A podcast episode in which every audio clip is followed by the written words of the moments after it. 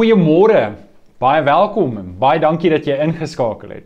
Soos jy reeds weet hier by my in die ateljee het ons vir Andrew, hy help vir ons met die koffie aandra. Ons het vir Rian, hy druk die knoppies wat die kameras betref en Jean doen vir ons al die slides. En dit is lekker om so spannie te hê. Maar vriende, ek moet vir julle sê niks kom daarby om in om mekaar se aangesig tot aangesig te sien by die kerk nie. Ek kan nie wag dat ons weer by mekaar kan kom nie, maar um, ons weet dit sal kom op die regte tyd. Weereens, dankie dat jy ingeskakel het. Baie dankie dat jy kyk en um, ek wil jou mooi vra, deel asseblief die boodskap, share hom op Facebook. Uh as jy op YouTube is, natuurlik, dis ons platform van keuse. Gaan subscribe asseblief daarso en ek dink Rian gaan net weer vir ons daai link gooi. Ek weet nie of hy gaan nie, maar uh, of dis in die comments van as jy nie van die Kaap is nie. Ons wil graag hê jy moet deel voel van die gemeente. So daar is in die in die description line dink ek is daar 'n link. Klik op hom en vul vir ons die vormpie in of jy nou Middelburg um Sasolburg of ek weet nie, welkom Witbank of Alaska is. Dit maak nie saak waar jy is nie. Ons wil vir jou beter bedien. Vul daai vorm op. Ons wil jou graag in die database op die database sit en jou op hierdie manier beter bedien. Vanoggend wil ek 'n bietjie met julle gesels. Ons gaan gesels spesifiek oor Openbaring 14 tot 15 en vanoggend gaan ek met jou gesels oor die belangrikste besluit wat elke gelowige moet neem.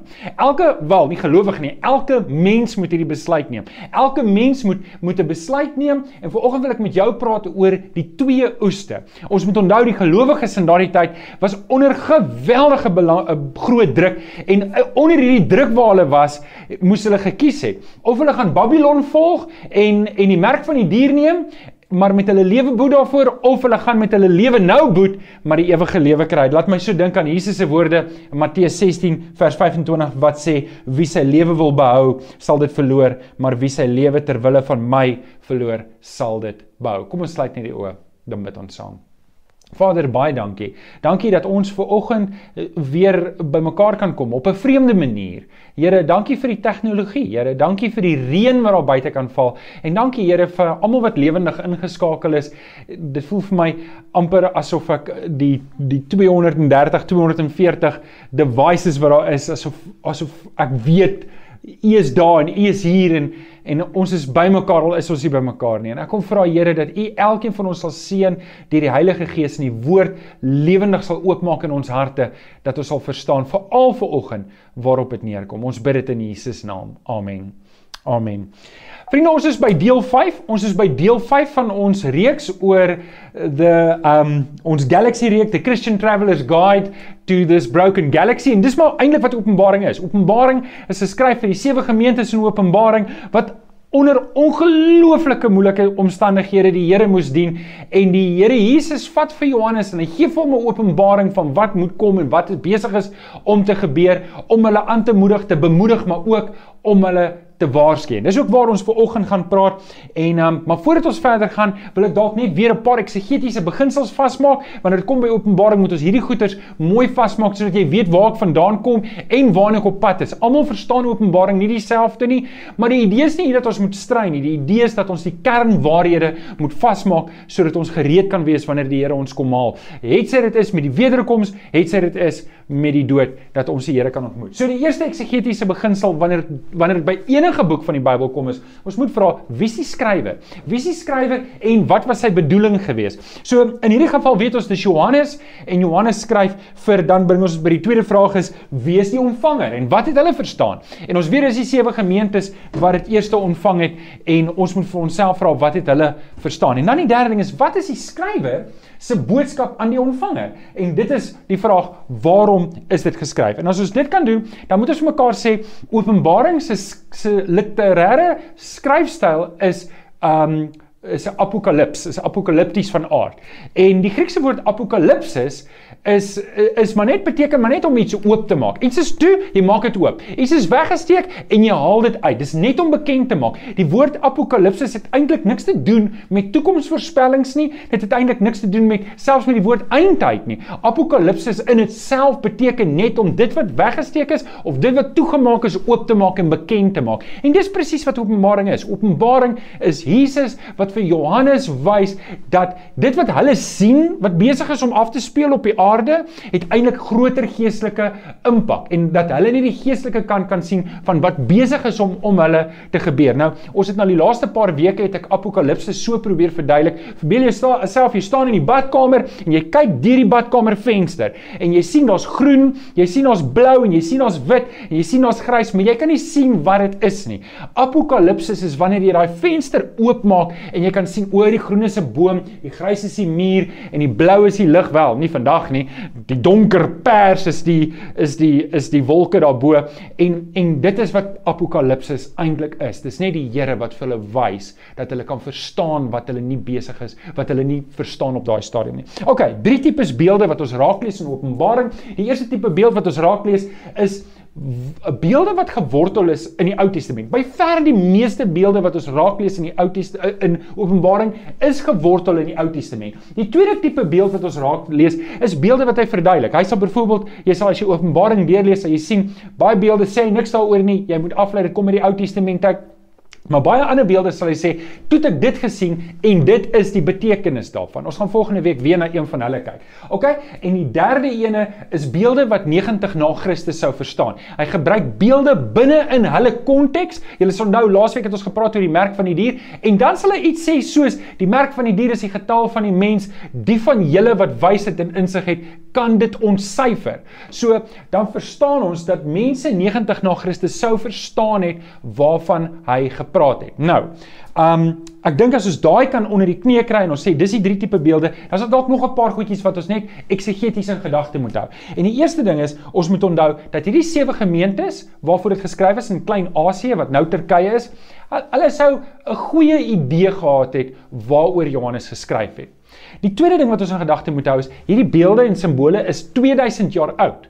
Nou, as ek en jy diersame artefakte sal hanteer, dan sal ons dit waarskynlik doen met handskoene. En net so moet ons hierdie beelde en simbole baie versigtig hanteer met handskoene, geestelike handskoene, om nie net sommer net interpretasies te maak nie, maar om baie versigtig dit binne in die konteks te hou waarin dit was. En die derde ding wat ons moet onthou is en dit is hierdie getalle en beelde is by ver die meeste is simbolies en ons moet dit ook so interpreteer. Nou, viroggend kom ons by die twee oeste en hierdie is hier is 'n hier is die klimaks van Openbaring. Hier is eintlik die klimaks en ek gaan hierdie gedeelte lees in Openbaring 14 vanaf vers 14 tot 20. Nou, ek hoop jy het die raamwerk gister gekry. Ek probeer op 'n Saterdagoggend die raamwerk kry en dis hoekom ek wil hê dat as jy nog nie vir ons jou detail gegee het nie, stuur dit vir ons op daai link dat ons jou op die database kan sit. Ons stuur elke Saterdagoggend stuur ons die raamwerk uit dat ehm um, dat dat jy dit kan voorberei en kan deel wees van vanoggend se gesprek, veral met hierdie moeiliker ehm um, inhoud van Openbaring. Kom ons lees saam Openbaring 14 vanaf vers 14. Toe het ek 'n wit wolk gesien. En op die wolk op die wolk was het daar iemand soos die seun van die mens gesit. En hy het 'n goue kroon op sy kop gehad en 'n skerp sekel in sy hand. 'n Engel het uit die tempel uit afgekom en hard geroep na hom wat op die wolk sit. Steek die sekel in en oes, want die tyd het gekom om te oes. Die aarde is ryp vir die oes. Hy wat op die wolk sit, het toe sy sekel ingesteek op die aarde en die aarde afgeoes. Dit was die eerste oes. Ons kom by die tweede oes. Toe daar 'n ander engel uit die tempel wat in die hemel is uitgekom. Hy het ook 'n skerp sekel gehad. Nog 'n ander engel het van die altaar se kant af afgekom. Hy het die mag oor die vuur gehad en het met 'n harde stem geroep na die engel wat die skerp sekel het en vir hom gesê: "Steek jou skerp sekel in en sny die druiwetrosse van die wingerd op die aarde af, want sy druiwe het ryp geword." Die engel het toe sy sekel op die aarde ingesteek. Hy het die wingerd op die aarde afgeoes en die oes in die groot parskyp van God se toren gegooi. Die parskyp buitekant die stad is getrap. Uit die parskyp het daar bloed uitgekom wat tot aan die tooms van die perde geraak het. 1600 km ver gestrek het. Net daai paar verse, net daai paar verse. Ek gaan vanoggend 'n bietjie met julle gesels. Nou voordat ons hierdie twee oeste mooi kan verstaan, moet ons net eers weer teruggaan na die agtergrond toe. So as jy jou notaboekie reg het, dan kan jy nou neerskryf wat ek nou sê. Anders dan kan jy maar net lekker saam luister en ehm um, as ons so 'n bietjie praat oor die agtergrond. So wat julle reeds weet is, Openbaring is geskryf vir die sewe gemeentes. Maar die feit dat ons Openbaring het, kyk ons praat van 'n ons praat van YouTube video's of video's op Facebook wat viral gegaan het. Nou as jy iets wat viral gegaan het, dan beteken dit almal deel dit en almal versprei dit en dit gaan sommer die uithoeke van die aarde. Weet, sommer 10, 15, 20 miljoen mense kyk daarna. Nou, op 'n manier kan ons sê die boeke van die Bybel wat ons vandag het, dis nie alles wat geskryf is nie. Daar was baie ander goed geskryf. Om die waarheid te sê, Paulus het nie minder as 4 briewe geskryf waarvan ons weet net uit kruisverwysings van die van Korinteërs wat ons het nie. Met ander woorde, ons het 2 van die 4 Korinteërsbriewe. Die res is net weg. En en en die rede hoekom ons hierdie het is want op 'n godgegewe manier het hierdie briewe viral gegaan. En Openbaring is een van hierdie briewe wat viral gegaan het, het by die sewe gemeentes gekom.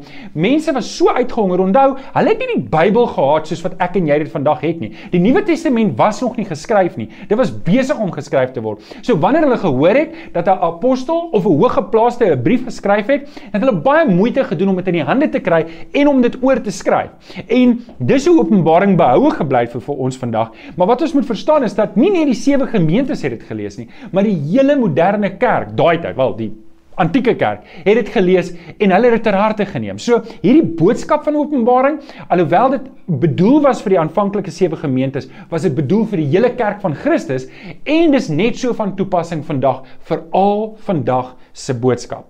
Nou, Die kerk in daai tyd was in 'n knyptang. Daar het ons laasweek gepraat. Julle sal nou eens gepraat oor keiserlike aanbidding wat 'n verskriklike lelike ding was. Keiserlike aanbidding het behels dat jy kan enige god aanbid, maar jy moet die keiser as die oppergod aanbid. Nou as jy die keiser as oppergod aanbid, maak dit nie saak wie jy aanbid nie, maar jy moet hom eerste aanbid.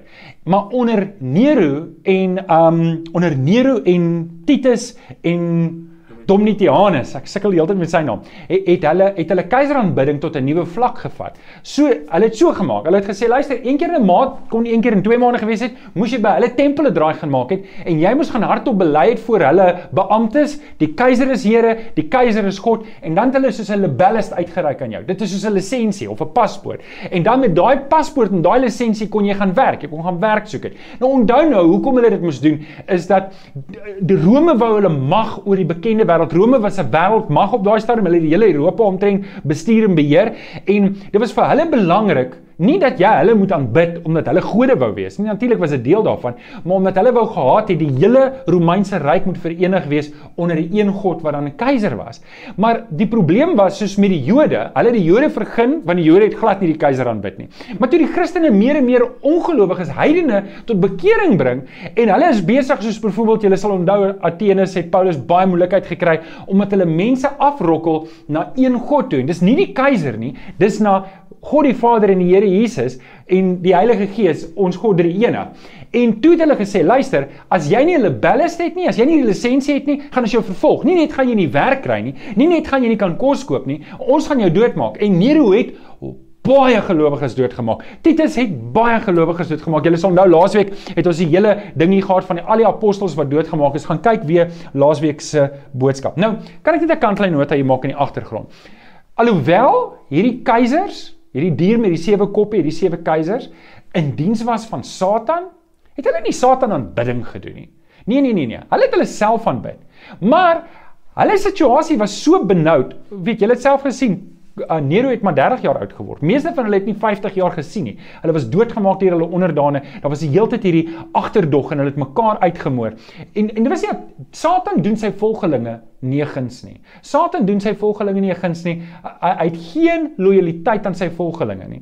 Hy maak hulle dood as hy 'n kans kan kry, net om vrees verder te kry. So hierdie mense was self onder vrees en hulle het maar opgetree vanuit hulle posisie van vreesheid. Nou, in hierdie sosio-ekonomiese omstandighede was die kerk.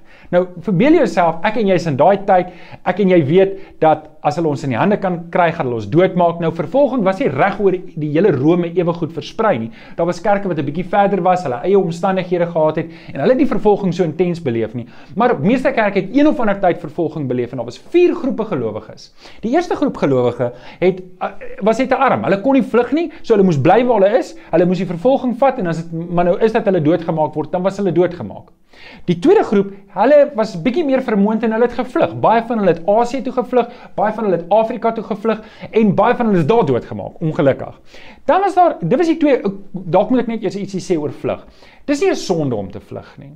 Onthou, die engel het aan Josef en Maria gesê toe Jesus gebore is, vlug na Egipte toe. God is die almagtige. Hy kan net hulle beskerm, maar hy het besluit dat hulle moet vlug.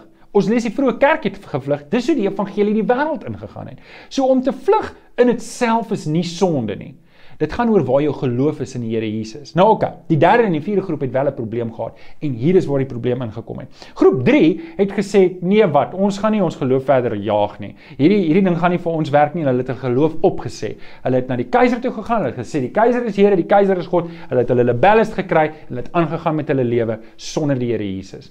Um die vierde groep het 'n ander benadering gehad. Hulle het gesê, luister, God is mos 'n God van genade en vergifnis. So wat ons gaan doen is, ons gaan na die tempel toe gaan, ons gaan die wierook brand en ons gaan sê die keiser is Here, die keiser is God. Ons gaan ons libelle kry, ons lisensie kry en dan gaan ons uitgaan en dan gaan ons ons sonde bely en vir die Here jammer sê.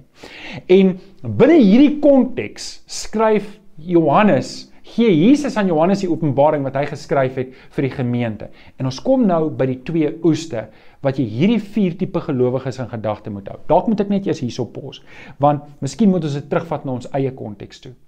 Daar's vier tipes gelowiges in ons eie gemeente ook. Daar's vier tipe gelowiges in die wêreld vandag. Daar's die gelowige wat sê, Here, ek gaan U dien met alles wat in my is in my omstandighede waar ons is. Baie mense vlug, nie noodwendig vir hulle geloof nie, maar as gevolg van ekonomies, maar hulle vat hulle geloof saam en daar waar hulle gaan, leef hulle die Here uit. Dis ook oukei. Okay. Maar daar's baie gelowiges wat sê, luister, ek gaan my geloof opgee en ek gaan maar liewer saam met die wêreld gaan. Hulle doen dit nie so doelbewus nie, maar hulle doen dit. Hulle gee hulle geloof oor tyd op. Hulle raak raak lou en hulle geloof gaan heeltemal dood en hulle lyk weer soos wat hulle gelyk het voordat hulle tot bekering gekom het en hulle lewe 'n lewe van verlorendheid. En dan's daar mense wat ook soos groep 4 doen.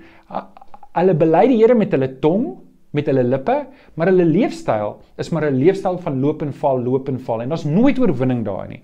En maak nie saak waar jy vandag is nie. Ek wil met jou praat. Maak nie saak waar jy is nie om jou uit te daag om jou lewe reg te kry. Want almal van ons, ek en jy, gaan een van twee oeste deel wees. En ek en jy moet vandag die besluit neem, deel van watter oes wil ek wees. So kom ons kyk na die twee oeste. Die eerste oes wat ons lees in Openbaring 14 is die koringoes. Die koringoes en dit is die gelowiges. So ons lees in vers 14 Toe het ek 'n wit wolk gesien en op die wolk was daar iemand soos die seun van die mens. Nou, as jy die Ou Testament gelees het en dan sal jy weet dat die iemand wat soos die seun van die mens is, verwys na 'n messiaanse verwagting dat die Messias wat sou kom, hy is die seun van die mens of dan die seun van God, dit word wisselwerkend verwys. So hierdie is Jesus Christus waarvan gepraat word. Hy het op die wolk gesit, dit weet ons mos en dis die seun van God. Hy het 'n goue kroon op sy kop gehad wat sê hy is die koning en 'n skerp sekel in sy hand. En daai woord skerp daar is vlamskerp, was gereed om gebruik te word. Dan lees ons 'n engel het uit die tempel uitgekom en hard geroep na hom wat op die wolk sit: "Steek die sekel in en oes, want die tyd het gekom om die oes um om te oes. Die aarde is ryp vir die oes. Nou kom ons staan net vinnig stil by vers 15. Ek wil net ietsie sê oor vers 15. Nou, as jy vers 15 lees, dan sê jy sê maar wag 'n bietjie. Hierdie engel gee dan opdragte vir die Here Jesus. En wat jy hier moet verstaan is, dis nie 'n engel wat opdragte gee vir die Here. Here, jy moet nou oes nie.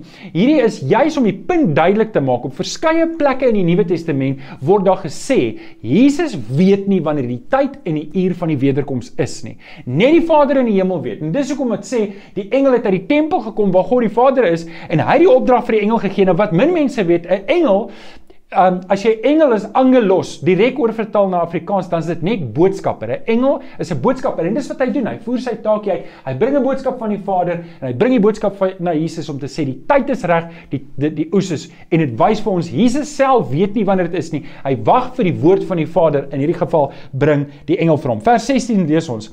Hy wat op die wolk sit, het toe sy sekel ingesteek op die aarde en die aarde is afgeoes. Nou, ons het hier te doen met 'n koringoes. Die Grieks praat van die oes is swart op die land. Met ander woorde, dit verwys na die koringoes en dis 'n beeld wat ons kry uit Daniël 7 vers 13 wat sê die Here kom op die wolke, hy kom om sy kinders te haal, hy kom as 'n koning, hy het 'n heerserskoon op en dis 'n goeie oes. Amper soos Jesus wat ook vir sy vir sy disippels sê, hy kyk na die land en hy sê die oes is groot, maar die arbeiders is min. Ons moet bid dat die Vader nog arbeiders sal stuur om die oes te help inbring. En hierdie moet 'n dringende gebed wees by jou en by my dat die Here nog arbeiders sal instuur. Dat daar's te veel arbeiders van die koninkryk wat op hulle hande sit en sê, "Jo, dis lekker om 'n mooi preek te hoor. Jo, dis lekker om saam met mense te bid, maar hulle reik nie uit na verlore mense toe nie." En en hierdie is 'n baie sterk beeld om te sê, die Here gaan ons kom haal. Ek en jy moet wakker wees en en by wees en ons moet moeite doen om mense vir Jesus te wen. Nou, daar's 'n ander kant ook. Deel van hierdie koringoes gaan ook oor getrouheid. In Openbaring 2 vers 10 lees ons: "Bly getrou tot die dood toe, ek sal julle die lewe as kroon gee." Nog 'n mooi vers in Hebreërs 2 vers 3 sê: "Hou hom, dis Jesus voor oë wat so vyhandige optrede van die sondaars teen hom verdra het, dan sal julle nie geestelik moeg word en uitsak nie." Nou, daar's 'n belangrike vers wat ek nou wil lees. Dis 'n belangrike vers wat ek nou wil lees, maar eers wil ek net Hebreërs 'n bietjie opbreek. So in Hebreërs lees ons dat Jesus moes 'n vyhandige optrede van sondaars teen hom verdra. Dit wys na die kruis van Jesus. En onthou nou ons het hier Jesus wat die oes inbring, maar eintlik het dit begin toe hy op die kruis gesterf het vir my en jou. Dis die weg wat hy gemaak het. Johannes 14. Ek is die weg en die waarheid en die lewe. Niemand kom na die Vader toe behalwe deur my nie. Vriende, wat ek en jy moet verstaan is daar is nie 'n manier om by die Vader uit te kom. Daar is nie 'n manier om deel te wees van die koring koringoes behalwe om die Here Jesus aan te neem as verlosser en saligmaker, die kruisdood aan te neem as my eie en saam met hom op die kruis te sterf en te sê ek is dood vir myself, ek lewe net vir die Here Jesus nie. En as ek daai besluit geneem het om te sê ek wil deel wees van die koringoes, ek wil die Here dien, dan kom Matteus 24 vers 13 um in en dit sê wie volhard tot die einde toe sal gered word. Hoor mooi, wie volhard tot die einde toe sal gered word. Ons gaan nou-nou meer daarvan praat. Dit bring ons by die tweede oes. So die eerste oes is die koringoes, die tweede oes is die druiweoes. Dis die on ongelowiges. Nou ons gaan dit ook opbreek. Openbaring 14 vanaf vers 19. Ons is nou Jesus het nou die oes ingebring van die van die van die gelowiges. Ons lees nou die tweede oes. Die engel het toe sy sekel op die aarde ingesteek. Hy het 'n hy het die wingerd op die aarde afgeoes en die oes in die groot parskyp van God se troon gegooi vers 20. Die parskyp buitekant die stad is getrap. Uit die parskyp het daar bloed uitgekom wat tot aan die tooms van die perde geraak het, 1600 km ver gestrek het. Nou, net daai paar verse. Net daai paar verse. So ons lees, die eerste koring oes het Jesus self geoes met sy sekel. Daar kom 'n engel uit en hy neem die tweede oes en dit is 'n druiweoes. Nou oké, okay, 'n druiweoes is 'n um, is 'n Ou Testamentiese gedagte in Joel kry ons dit ook in Joel 3 vers 13. Hulle sondes was baie, steek die sekel in want die oes is ryp, kom trap die parskype is vol, die wynkype loop oor. So met ander woorde, hierdie druiwe word in die parskyp gegooi en dit word getrap en dit word getrap en die bloed spat op staan daar in in die ou eh, vertaling in die Ou Testament teen God. Met ander woorde, die straf van die ongelowiges kom nou na vore. Sonde sal nie vir altyd ongestraf bly nie. Nou, ek moet 'n paar goeters hier sê. Veral hier's 'n paar goed wat 'n bietjie onduidelik is oor hierdie teks. Ek en Dr. Rudy het nogal in die week gesels oor um oor die woord myl kilometer. As jy die ou vertaling lees, sal jy lees hulle praat van van 200 myl dink ek in die nuwe vertaling staan daar 1600 km en um, jy hoef nie baie goed in wiskunde te wees om te weet 1600 km en 200 myl is nie dieselfde ding nie. Um maar uh, toe gaan ek 'n bietjie terug na die Grieks toe en ek wil hierdie opbreek vir jou want dit kan vir jou ook waardevol wees. So die Griekse woord wat gebruik word is stadia. Nou stadia um word net 3 keer in die hele Nuwe Testament gebruik en net een keer as 'n afstand. En daar's 'n rede daarvoor. Ek gaan nou vir jou mooi verduidelik hoekom. So die Griekse woord daarso is om te sê dit het 1600 stadia het hierdie bloed afgeloop van die parskyp waar die ongelowiges gegooi is en getrap is. Hierdie bloed loop tot by die soem van die perde um en dis 1600 stadia. Nou een stadia is 185 meter. Nou jy kan 'n 185 meter uitwerk op 'n 1600 stadia, dan gaan jy sien die ou vertaling en die nuwe vertaling is albei nie regtig akkuraat nie. Ou vertaling dalk 'n bietjie nader as die nuwe vertaling, maar as jy die Engelse vertaling gaan sien soos jou NIV, ek dink jy good news ook, dan gaan jy sien hulle praat hulle hulle die Griekse woord stadia daar gehou, wat in my opinie 'n beter besluit was want dit hou eintlik die volle betekenis daarvan. Nou hoekom is stadia 'n belangrike woord? En hoekom praat ek en jy nou oor stadia oor 1600 wat niemand weet wat dit beteken nie? Wel, hier's die ding. Stadia was die afstand van 'n kort afstand um atleet. So met ander woorde ons hardloop 100 meter, maar ek dink is net die kleintjies wat 100 meter hardloop. Ek weet nie wat is 'n Olimpiese kort afstand nie, maar hulle kort afstand was 185 meter. Die baan waarop die atlete gehardloop het was was um 185 meter. Dit was een stadia. Stadia. Waar gaan kyk ons atletiek? By die stadion. Dis waar ons ons woord vandaan gekry. So die stadion en dis ook wat Paulus gebruik. Die ander, hy kom ons drie keer voor. Een keer is dit stadia en die ander keer is dit stadion en dis wat Paulus gebruik. Wat wat terugverwys na die arena waar die mense gaan kyk het waar atletiek. So hulle atletiekbaan was perdhoevormig geweest en dat jy hierdie kant begin hardloop aan die ander kant toe en dan dit was 185 meter. So hier word nou gepraat van 'n 1600 stadia. Dis ver. En ons is nie heeltemal seker hoekom dit hier gebruik word nie, maar ek wil 'n kans waag. Ek wil 'n kans waag. Hierdie hierdie hierdie is 268 km waarvan ons gepraat het. As jy 1600 stadia omskakel na meter toe na kilometer toe, dan is dit 268 km. En dit is 'n dit is 'n ultra dis 'n ultra maraton. Net om 'n idee te gee, ek dink die die maraton tussen Pietermaritzburg en Durban is dit 96 km. So hierdie is ver om te hardloop. En hier is 'n onderliggende ding in van volharding. Jy moet volhard. Dis wat Jesus sê. Jy wat volhard tot die einde toe sal gered word. Nou, okay, kom ons los dit nou daar. Ons gaan nou nie verder praat oor die stadia nie.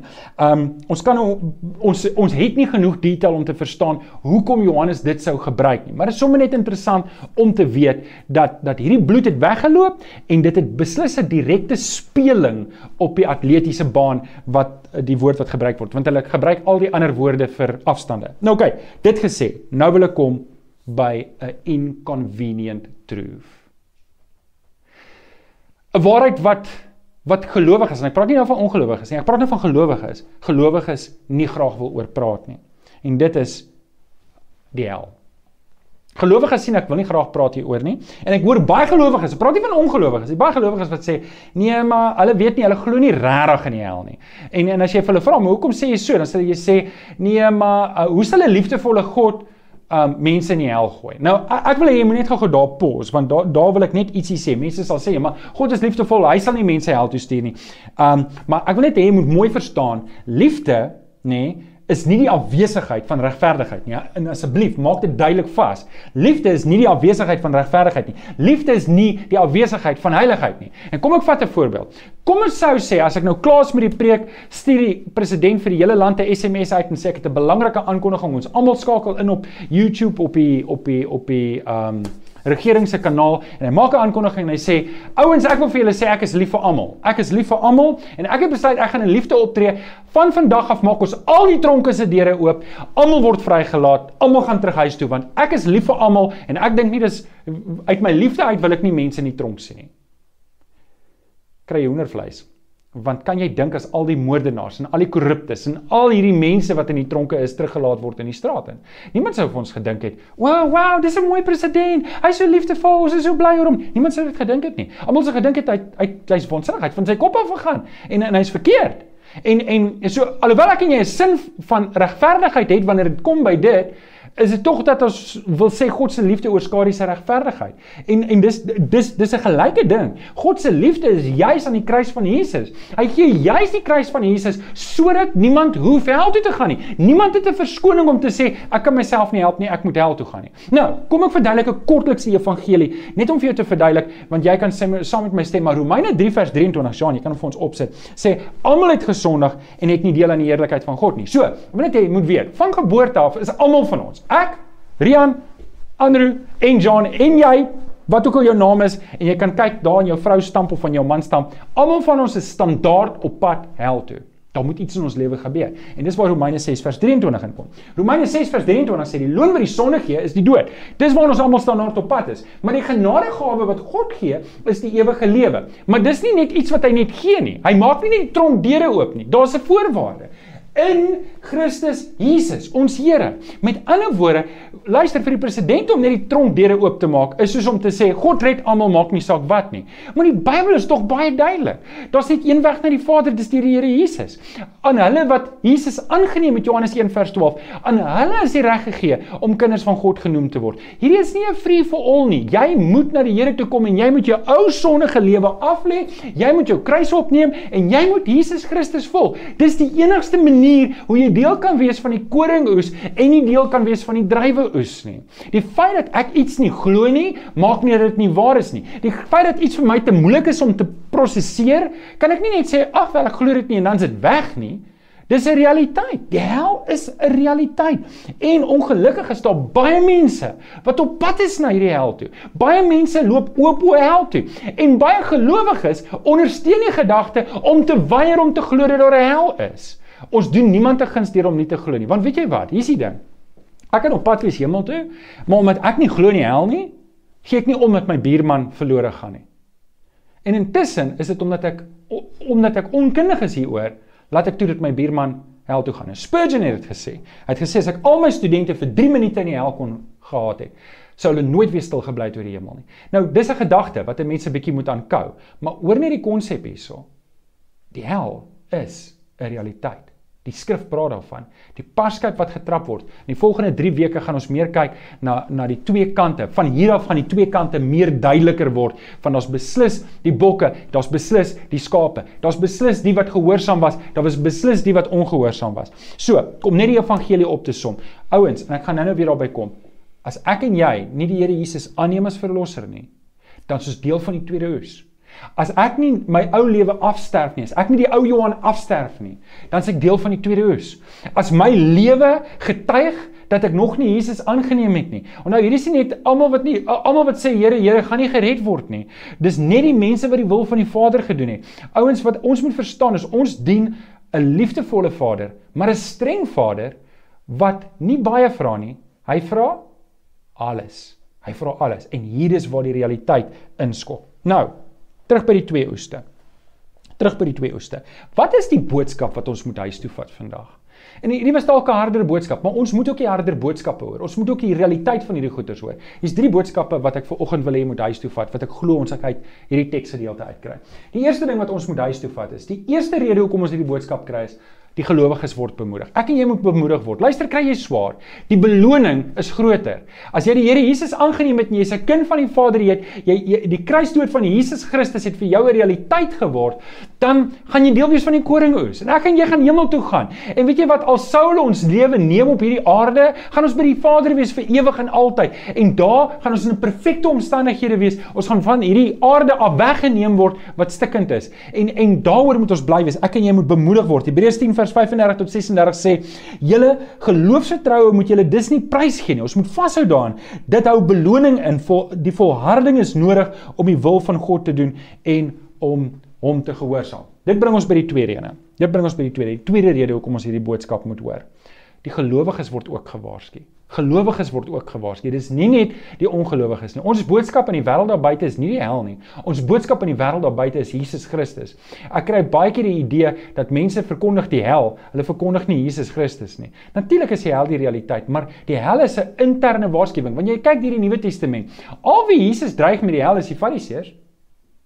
Wanneer hy met die disippels praat, dan praat hy die hel is 'n realiteit, maar wanneer hy vir hulle sê gaan verkondig, dan sê hy verkondig die goeie nuus dat God red, dat God liefhet. Dis waarmee Romeine 2 vers 8 dink ek, besef nie dat God jou met sy goed deur sy goedheid tot bekering wil lei nie. Daarom die idee is nie dat ons mense moet dreig met die hel nie. Dis glad nie die plan nie. Maar ek en jy moet goed bewus wees van die hel, van die hel en van die realiteit daarvan. Maar hier is die ander kant. Baie mense baie mense wat dink hulle is gelowig is gaan op daardie dag gaan dit mis. En die rede hoekom ek nou so ernstig met jou wil praat is want ek wil hê jy moet jou eie hart ondersoek. Dis nie die mense wat net mooi lyk van buite af nie, maar dis die mense wat se harte aan Jesus behoort wat gered word. Ek en jy moet hieraan vashou. Hierdie is 'n waarskuwing. Hierdie is 'n waarskuwing en Jesus het gewaarsku. Hy het vir Laodicea gesê: "Laodicea, jy het lou geword. Ek gaan julle uit my mond uit spoeg." Dalk het jy lou geword. Dalk het jy lou geword. Jy weet jy dien die Here maar halfhartig en jy hinke pink maar saam en jy doen dit maar want dit is in jou gewoonte om al die dinge van die Here te doen is in jou gewoonte, maar jy weet jy het lou geword. Efesië sê die Here Jesus gewaarsku. Hy sê: "Hoorie, julle julle het julle eerste liefde verloor. Ek gaan jou lampstam van sy plek afvat." En dalk is dit jy. Jy doen nog al die goed vurig, maar dis uit gewoonte uit. Dis nie meer omdat jy lief is vir die Here nie. Die Here roep jou op tot bekering. Pergamum, Pergamum het dwaallering begin aanhang en die Here sê julle gaan julle julle gaan oop oor na die dood toe. Um Thyatira, hulle aanvaar sommer enige leerstelling wat oor hulle pad kom. Um Sardes wat dood gegaan het. Hulle geloof het heeltemal dood gegaan. Dis net Smyrna en Philadelphia wat geen waarskuwing gekry het nie. En wat ek net vir jou probeer sê is, die Here Jesus kom waarsku my en jou ook vandag dat as ons as ons nie gaan volhard tot die einde toe nie. Matteus 24 vers 13, wie volhard tot die einde toe sal gered word. Ouens, hierdie stadia, die ou wat die hele die hele baan klaar maak. Dis hy wat gered word. En ouens, daarom moet ons nie nou moeg raak nie. Ons moet onsself opwek en ag optel en ons moet onsself in oefening hou, geestelik fiks word en en weer die werk van die Here begin doen met ons eerste liefde en ons mag nie lou word nie, ons mag nie flou word nie. En en dis dalk waar jy is en ek wil net hierdie boodskap vir jou gee om te sê, man, staan op en kom net weer by. Kom net weer by en en gryp die Here Jesus aan en moenie nou kansse vat nie. En dit bring ons by die derde. Dit bring ons by die derde rede van vanoggend se boodskap. En dit is gelowiges word aangemoedig. Aangemoedig om wat te doen? Aangemoedig om die evangelie te verkondig. In Handelinge 2 vers 40 het Petrus hierdie absolute dringendheid gehad. Het gesê met nog baie ander woorde, het Petrus getuig en hulle aangespoor, laat julle red uit hierdie ontaarde wêreld uit uit hierdie onaarde mense uit. Ouens, dis dis die boodskap. Luister nou wat het gebeur. Ons het ons het 'n paar weke nou gepraat. Die sewe seels het 'n boodskap ingegaat en dit was pla en dit was 'n skouspel van engele. Die sewe trompette was oorlog wat God voer teen die aarde. Die sewe bakke wat hier navolg is die oordeel wat uitgevoer word. En die sewe engele kom en hulle bring boodskap van bekering, hulle bring 'n boodskap van oorlog en 'n boodskap van oordeel. En hoekom gebeur al hierdie goeters? Hoekom kondig God die hele tyd hierdie oordeel aan en hy kondig dit aan en hy kondig dit aan? Dis om by my en by jou 'n dringende geleentheid te skep dat ons kan nie op ons hande sit en net wag dat die tyd verbygaan nie. Ek kry die idee baie kinders van die Here sê, "Jesus, ek is gered. Nou wag ek vir die wederkoms. Ek wag dat ek maar kan doodgaan en by die Here kan wees." Maar dis nie hoekom ons hier is nie. Ek en jy is hier met een uitsluitlike rede nog op aarde en dis om ongelowiges te vertel van die Here. En ouens, as jy dit nie gaan doen nie en as ek dit nie gaan doen nie, dan gaan dit nie gebeur nie. Dis my en jou werk en ek mag nie toelaat dat terwyl ek hier is, mense verlore gaan omdat ek my mond toegehou het oor die evangelie nie. Ouens, hoor julle my dringendheid. Hoor julle, ek wil vanoggend vir jou bid. Ek wil volgens vir jou bid, maar ek weet hier's hier's dalk drie mense. Hier's hier's dalk ouens wat sê nee, maar Johan, ek is lief vir die Here en ek doen my bes. En vir jou wil ek bid dat jy sal aanhou, aanhou dat jy nie sal moeg word nie. Dalk is hier 'n paar ouens wat nou luister. Dalk luister jy nou en jy het lou geword, jy het flou geword. Jou geloof het begin doodgaan. Jy het jou eerste liefde ge jy het begin weer die wêreld aanhang. Jy jy jy, jy het soos daai twee twee twee laaste groepe van Openbaring mense wat weer saam met die wêreld begin gaan. En ek roep jou op namens die Here in die naam van die Here. Roep ek jou op, kom tot bekering en los daai ou lewe. Kom terug na die Here toe en begin die Here voluit dien. As jy nie vervolg word op een of ander manier nie, is die kans goed dat jy nie voluit vir die Here lewe nie. En dis dalk 'n harde woord wat ek en jy moet hoor, maar dis die onderliggende boodskap van Openbaring. En dalk is daar 'n derde tipe ou wat nou luister en sê, "Jo, Johan, Ek is net verlore. Ek is net heeltemal verlore. Ek het ek, ek dit wat jy my nou vandag vertel het wat ek in die woord uit lees, ek is eers 'n kind van die Here nie en ek het nodig om by die Here te kom. So ek gaan hierdie drie gebede doen. Ek gaan eers bid vir jou wat vir, wat wat swaar kry en wat dat jy sal volhard. En dan gaan ek vir jou bid wat 'n gelowige is, dat jy daai besluit weer sal neem om te sê, Here, ek wil deel wees van die eerste oes. En dan wil ek bid vir jou wat 'n ongelowige is dat jy jou lewe oorgee vir die Here. Kom ons bid saam. Vader, Ek dank U in die wonderlike naam van ons Here Jesus. Dankie Here dat ons dat ons kan kyk na U woord. En Here, hier is 'n ernstige boodskap. Hier is nie 'n ligte boodskap nie. Here, daar's twee oeste, daar's 'n koringoes en daar's 'n druiweoes. En Here, daar's daar's nie 'n grys area tussenin nie. Dis een of die ander. En Here, ek wil kom bid vir al my boeties en sissies in Jesus wat volhard en wat swaar kry op watter manier ook al. Here, dat hulle sal aanhou, aanhou met U, dat hulle sal bly volhard en dat daar waar hulle is dat hulle mense vertel sal, sal vertel van Jesus. Maar Here, U weet wie kyk nou net lou geword en flou geword. En Here, die rede hoekom jy Openbaring geskryf het, is juis om hierdie mense weer op te roep om te sê, moenie nou moeg raak nie, moenie nou flou raak nie. En ek wil vra, Here, deur die Heilige Gees kom doen die oortuigwerk dat daardie persoon weer Jesus Christus sal aangryp. Maar Here, nou wil ek ook bid vir die mense wat dalk nog nooit 'n besluit geneem het vir Jesus nie en dalk ver oggend onder die oortuiging gekom het. En ek wil vir jou sê, dalk moet jy saam met my nou hierdie gebed bid. Dalk moet jy net saam met my hierdie gebed bid om in jou hart en maar jy moet dit eerlik bid en, en ek wil vir jou vra jy moet kontak maak met my. As Ria net vir my my selfoonnommer daar kan opsit, dan dan gaan ek dan wil ek hê jy moet vir my kontak maak. Hier is die ding. Jy moet vir oggend jou saak regmaak met die Here. Jy moet vir oggend 'n oorgawe maak. Jy moet sê Here, ek is verlore. Val op jou knieë daar waar jy is, nou waar jy is. Maak nie saak wie saam met jou is nie en sê Here, ek is verlore. Here, ek is so verlore. Ek het U redding nodig. Ek is op pad hel toe. Ek is ek is deel van daai drywe daai drywe parskyp en en ek wil nie daar wees nie. Ek wil deel wees van die oes. Ek wil Jesus Christus vir oggend aanneem en dan bid jy hierdie gebed saam met my. Here, kom vergewe my sonde. Kom kom maak my nuut van binnekant. Ek wil U kind wees. Ek wil U weer voluit dien en ek vra vir U Here, Here, help my net om om op hierdie pad te kom saam met U. Ons bid dit in Jesus naam. Amen. Amen. Vriende, as jy um nou Rian sal, ek weet nie Rian, kon jy vir ons die nommer opgesit het daarso? OK. um as iemand anders vir ons, Chris, as jy net vir ons die nommer kan opsit. Rian kan nie nou nie. Ek wil vir jou aanmoedig en bemoedig. Openbaring is geskryf vir gelowiges. En die uitdaging vir my en jou is nie om net buitekant te lyk soos gelowiges nie, maar binnekant werklik die Here te dien. Dis my gebed vanoggend vir jou. Indien jy ver oggend 'n besluit geneem het vir die Here of 'n besluit wil neem vir die Here, maak kontak. Vul die kontakvorm in in daai description line en uh, stuur ons adres, jou adres vir ons. Ons wil graag vir jou die kunskapboekie koerier. Ons wil hom graag vir jou stuur. So, laat ons weet van jou. As jy moet dit nie nou net laat gaan nie. Ons wil jou vasmaak aan die Here. Laat ons weet van jou. Die Here seën vir jou. Mag jy sy genade ervaar. Mag jy die Here se goedheid beleef en mag jy leef om deel te wees van die koringoes. En mag jy so leef dat ander mense in jou lewe iets sien dat jy hulle kan trek om deel te wees van die koringoes. Die Here seën vir jou. Geniet die Sondag. Ons maak weer so volgende week selfde tyd, selfde plek. Onthou vanaand 6:00 die bidtuur en um Woensdag aand is dit ons um, Bybelstudie en dan vir die tieners en die jong mense mega sel Dinsdag aand en Dominee Chris is Vrydag aand aan op ons nuwe uitsaai skedule. Die Here seën vir jou. Baie dankie dat jy saam gekyk het.